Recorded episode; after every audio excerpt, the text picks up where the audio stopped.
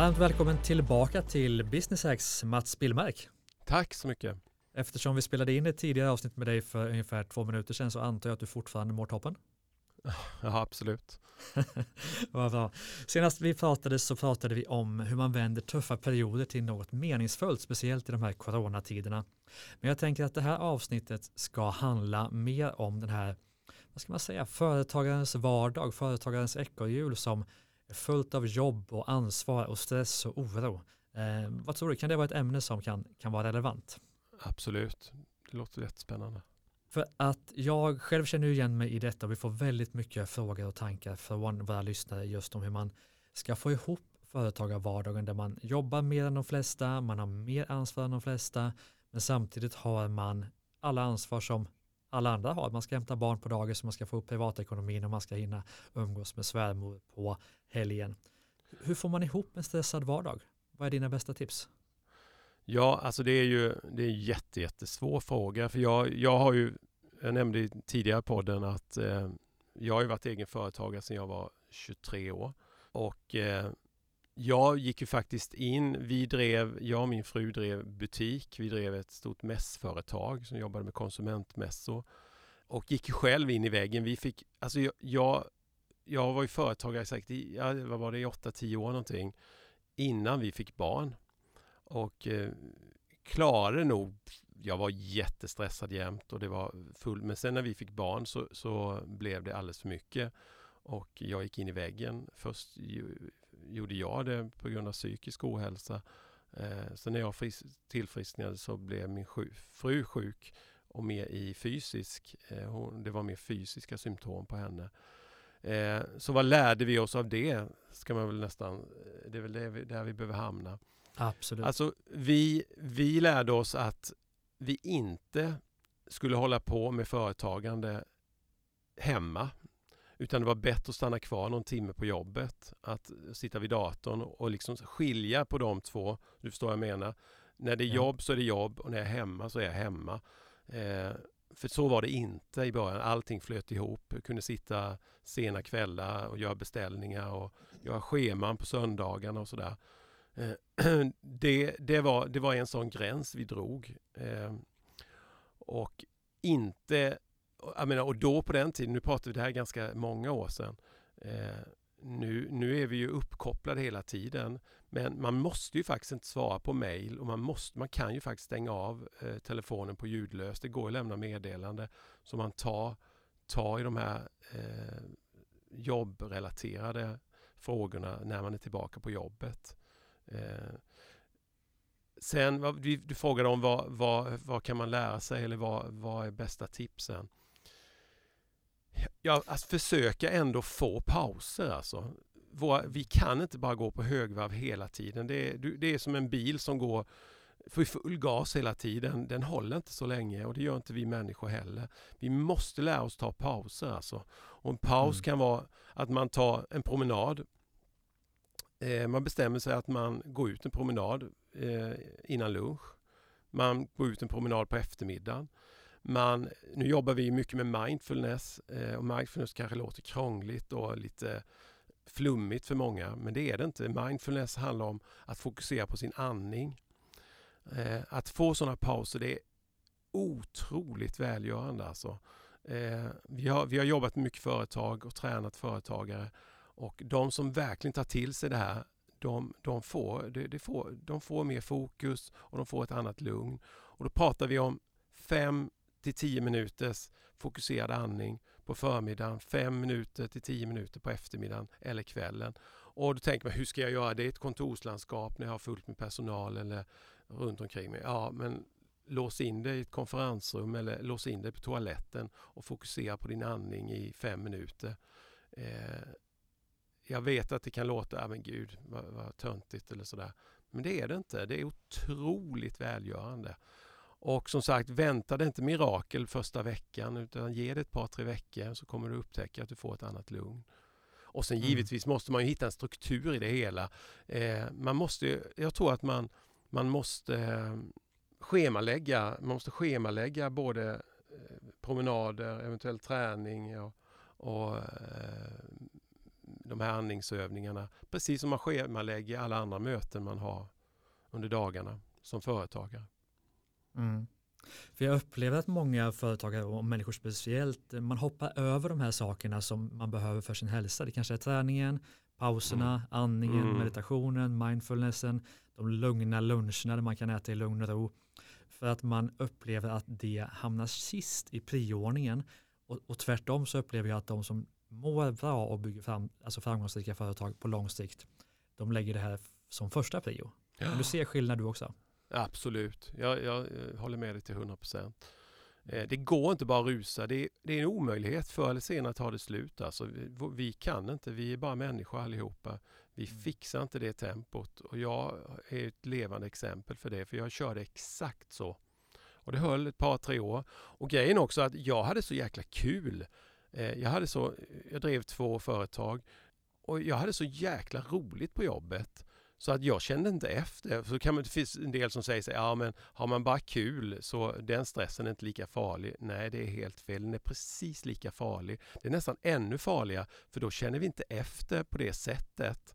Mm. Eh, utan då drivs vi av att, att det är fortfarande roligt det vi gör. Och vi, vi, liksom, vi kan pusha oss ytterligare något år eller något halvår eh, i det här höga tempot. Mm. Hur lång tid tog det för dig att komma tillbaka? Ja, alltså mig tog det, jag, tog, jag tror det tog ett och ett halvt år nästan. Eh, på den tiden var ju läkarna välvilliga. Idag är det inte lika lätt att få en sån sjukskrivning. Men jag tog verkligen alla, jag sålde jag sålde det ena bolaget och sen la jag över det. På, så jag var inte på mitt företag på ett halvår. Och det är också en sån där grej. Jag trodde att det här skulle jag dö eller skulle jag, det hända något med mig, då skulle det här bolaget rasa på två månader. Nej, det gjorde det inte alls. Man är inte så oumbärlig som man tror. Eh, det finns alltid ersättare som kan göra eh, precis samma jobb eller kanske till och med bättre. Så att mm. jag lämnade mitt bolag i sex månader helt. Eh, och det var minst lika bra om inte bättre när jag kom tillbaka. Mm. Det är väldigt spännande och det är också spännande att tänka då att, att lägga tio minuter på förmiddagen, tio minuter på eftermiddagen på andning eller en paus, en liten promenad på lunchen. Det är ju ja. verkligen värt det i perspektiv då att om man inte gör det kanske man får vara borta från företaget i, i ett och ett halvt år. Ja. Då förstår man ju konsekvensen och ja. uppsidan i det. Ja. ja, man måste också förstå det där innan du går, för när du verkligen går in i väggen, det, det, det tar tid alltså. Och då, då är du inte kaxig. Eh, sen kan man lätt säga, eh, vi, jag hade en, det är också ganska intressant, jag hade en chef, jag jobbade, eh, jag jobbade som konsult på ett företag eh, under tiden när första Lärde leva-boken kom ut, eh, vår första bok. Eh, och då när boken kom från tryckeriet hade vi en konferens i Linköping jag bad min fru skicka en, en hel kartong med böcker. Jag tror, det, jag tror det var 30 böcker eller något sånt där. Och vi var väl, jag vet inte, 25 personer på den här konferensen. Så sa jag, alla får köpa den nytryckta boken för 100 kronor styck. Alla köpte boken utom min chef. Han sa, jag behöver inte sånt. Eh, han, han liksom sa att ja, utbrända det är för sådana som är, som är lata i, i, i princip. Och i och med att han vägrade han hade liksom varit så tydlig med detta att han, han, menade på att, att man kan bita ihop och köra vidare. Så gjorde han det och han körde vidare så jäkla hårt. Sen slutade jag på det här, slutade jobba åt det här företaget efter något år. Två år senare fick jag ett mail från honom där han sa att jag skulle bara börja med att be om förlåtelse. För ett år sedan gick jag fullständigt in i väggen och han hade då drivit sig så hårt och gått så långt över sina gränser att han, eh, han han fullständigt klappade ihop alltså och var sjukskriven i flera år innan han tog sig tillbaka. Men det var en förnekelse att, eh, eh, att inte liksom känna efter och, och, och, inte heller tro att jag blir inte drabbad utan det är alla andra som kan gå in i väggen men inte jag. Mm. Så det blev, det blev en, en jäkla läropenning för honom. Verkligen. Mm. Men ska vi gå tillbaka lite till basic, bara att förstå, alltså stress och oro och att gå in i väggen. Vad är det som händer rent fysiskt när vi gör det? Varför hamnar vi där? Ja, men kroppen, kroppen uppfattar ju att det är en krissituation och då så utsöndrar den ju massa olika ämnen i kroppen. Som, eh, alltså det är också, vi pratade om det i förra podden, eh, våra stenåldershjärnor. Den, den märker ju att det är fara, fara och färde. Eh, att det är något som, som håller på att gå illa när, när kroppen går på högvarv. Det är liksom som vi gav oss ut i strid för tusentals år sedan. Eh, och då, då slutar massa system i kroppen att fungera. Och vi sätts i en, en stridsberedskap hela tiden och allting går på högvarv. Vi får högre blodtryck. Eh, vi får ökade adrenalinnivåer, kortisolnivåer som gör att vi, vi, vi blir oroligare och vi får mer ångest och vi sover sämre. Eh, så det är massa sådana system som slår till i kroppen när den går, går på högvarv alldeles för, under alldeles för lång tid. Mm. Och man hamnar då eh, naturligtvis i en, i en negativ spiral. Och precis som vi pratade om det tidigare på du var inne på, men vi snackar sömn och det är träning och det är mat och det är andning. Det handlar ju om att sköter man dem rätt, ja, då har man en positiv spiral. Sköter man dem fel, då har man en negativ spiral. Och på mm. pappret så är det ju väldigt, väldigt, väldigt enkelt. Men om vi då tänker att jag är en företagare som jag känner lite när jag lyssnar på det här att jag kan vara på väg dit. Vad ska jag göra här och nu för att bara bryta liksom, den negativa trenden och, och hamna i en positiv trend istället? Ja, ja framförallt ta tycker jag ett helikopterperspektiv och se på sin situation att eh, framförallt vad kan jag göra för någonting? För man kan alltid göra någonting. Man säger jag kan inte, jag måste köra på så annars går det åt skogen. Nej, men det, det, så är det inte. Jag, jag, kan, en del blir nog förbannade när de hör det här. Men jag lovar det att tar man ett, ett större perspektiv över läget så kan man se att det finns åtgärder att göra. Både små och stora. Eh, och det finns, man kan alltid be om hjälp. Eh, och man är, inte, man är inte oersättlig utan det finns folk som kan stötta en både företagsmässigt och privat. Och ofta upplever jag själv i alla fall att det är mina krav på mig själv som mm. orsakar min stress och inte egentligen andras krav. Är det vanligt? Ja, men det tror jag. Man sätter, sätter nog väldigt, väldigt, framförallt som chef eller att man driver ett företag, så tror jag att man sätter orimliga krav på sig själv. Men du, även företagare lever ju faktiskt i relationer. Eh, ja. Jag skulle gärna vilja bara flika in och komma in lite på relationer kopplat till stress och oro. För dels har ju naturligtvis stress och oro en negativ inverkan också på relationer. Mm. Men har du några sådana här, vad ska man säga, relationstips kopplade till de här ämnena för att få ett förhållande att funka fast man har så otroligt mycket på jobbet och i företaget? Ja, men alltså A och O är kommunikation. Det är det som fäller de flesta eh, förhållanden. Eh, det finns undersökningar som visar att eh, det som, det som gör att folk skiljer sig eller separerar, det är att de inte kan kommunicera. Man måste kunna kommunicera. Och där då som man är, är det ju ofta Alltså vi måste våga visa oss sårbara, vi män. Vi måste kunna vara tydliga med, med våra svagheter och vad vi känner. Eh, och våga öppna upp oss. Kvinnor är ju mycket, mycket bättre på det här än vad män är. Kvinnor tar hjälp av väninnor för de vågar öppna upp sig och visa sig små och svaga.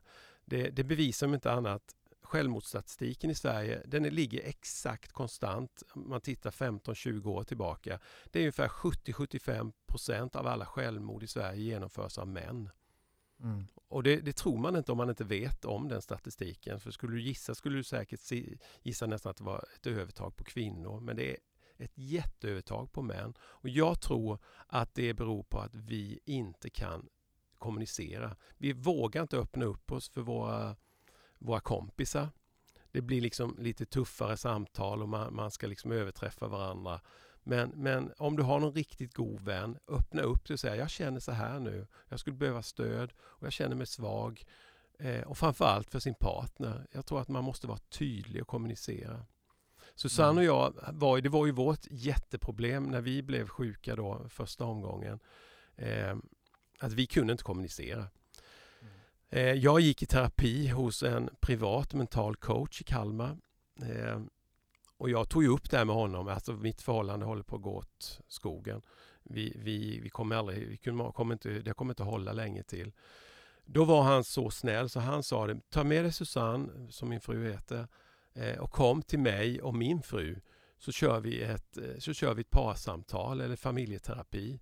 Så vi satt då med ett annat par som kunde liksom spegla våra roller om du förstår vad jag menar. Alltså när vi mm. var hemma så liksom när Susanne sa någonting till mig, så när hon pratade och skällde på mig eller vi kommunicerade någonting, då tänkte inte jag på vad hon sa utan jag istället tänkte på vad jag skulle liksom komma för motargument. Förstår mm. du vad jag menar? Och ja. skälla tillbaka. Nu kunde vi sitta med ett annat par eh, som kunde säga, men sa mannen då, eh, som vi, så kunde han säga, ja men Susanne, Mats menar så här, det är så här som man menar han att det är så här Liksom, det här menar han. Och de kommunicerade med oss eh, och de räddade oss. Vi hade aldrig varit ett par idag om vi inte hade gått i terapi. Så att gå i terapi och snacka kan vara ett, ett sätt. Men framförallt att försöka kommunicera inom, liksom med sin partner på ett lugnt och sansat sätt. Det hjälper aldrig att höja rösten och skrika eh, för det leder bara till skit. Då går det åt fanders. Utan mm var inte rädd för att berätta om dina innersta känslor för din partner. Det är nog mitt viktigaste tips, relationstips. Mm. Och det gäller väl i affärsrelationer med, tänker jag, tillsammans med en kompanjon? Ja, absolut. Mm. Det går inte liksom att köra någon falsk bild och försöka hålla någon fasad. I längden håller inte det. Och som mm. sagt, människor är snälla, människor är i allmänhet hjälpsamma. Så visar man sig svag och sårbar så finns det alltid folk som hjälper dig och stöttar dig. Mm. Men det jag blir nyfiken för jag läser väldigt mycket själv. Har du någon sån där, till exempel en bok som har hjälpt dig mycket inom de här områdena som är din, din favorit? Förutom din ja, egen men, först. Vi ska säga lär dig ja. leva och lär dig leva nu för alla som inte har läst dem, naturligtvis. Ja, mm. ja men de är våra böcker, om jag får säga det själv, är fantastiska hjälpmedel. Eh, men jag hade en bok som när jag gick in i väggen eh, så jag hade ju jättemycket ångest, oro, ångest, panikångest. Mådde jätte, jättedåligt. Eh, ja, de här, den här mentala coachen som jag berättade om tidigare. Jag var i så dåligt skick så att jag klarade inte. Jag fick bo hemma hos honom, han och hans fru under ett par veckor när det var som allra, allra sämst. Så han hjälpte mig dagligen. Eh, då cyklade jag in till bokhandeln i Kalmar Eh, köpte en bok, det var liksom panik, jag måste få veta mer om det här. Eh, drog ut en bok ur bokhyllan, cyklade tillbaka och började läsa i den och upptäckte att nej men gud, det här var skriven av någon överläkare eller något. Det var liksom bara facktermer, liten text, svårt att ta till sig. Cyklade in igen, lämnade, så får jag byta den här? Ja visst, sa han, gör du det? Drog ut en ny bok som hette Befriad från ångest. Och den boken är den boken som har hjälpt mig allra, allra mest. Så har man problem med oro och ångest, det, det är mitt absolut bästa, bästa tips. Befriad från ångest. Den boken finns fortfarande att beställa från Adlibris och Bokus. Mm. Eh, jag tror jag läst den 20 gånger. Om du finge se mm. den så är det, jag tror nästan hälften av texten är understryken. Det är hundöron överallt. Men mm. ja, det, är, det är ett jättebra boktips. Ja men intressant, vad härligt. Men du Mats, tiden går. Vi har fått väldigt många tips även i det här avsnittet. Ska vi försöka sammanfatta eh, för de som är dåliga på att sammanfatta själv eller vill ha en sammanfattning serverad. Vad, vad blev takeawaysen från detta avsnittet tycker du? Ja, men vi hjälps åt du och jag. Vardagsoron och stressen. Ja, vi hjälps åt du och jag.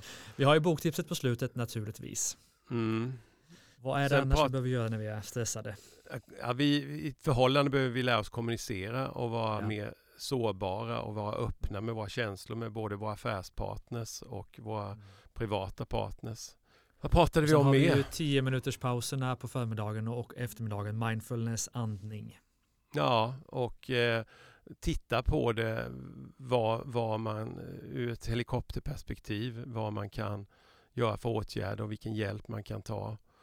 Eh, nu kommer jag knappt ihåg vad vi sa i början. Vad sa vi mer för tips? Det har varit en lång rad tips och eh, den som har lyssnat kommer ju naturligtvis ihåg dem. Jag tyckte vi fick ihop en, en hygglig sammanfattning. Ja, det blev så mycket på en gång så att jag har svårt att sammanfatta. Men, men jag tror att vi fick med dem, ja, det grundläggande och viktigaste. Jag tror det. Och för dig som ja. lyssnar så finns ju naturligtvis Mats och Susanne Billbergs böcker Lär dig leva och Lär dig leva nu, eh, där böcker finns.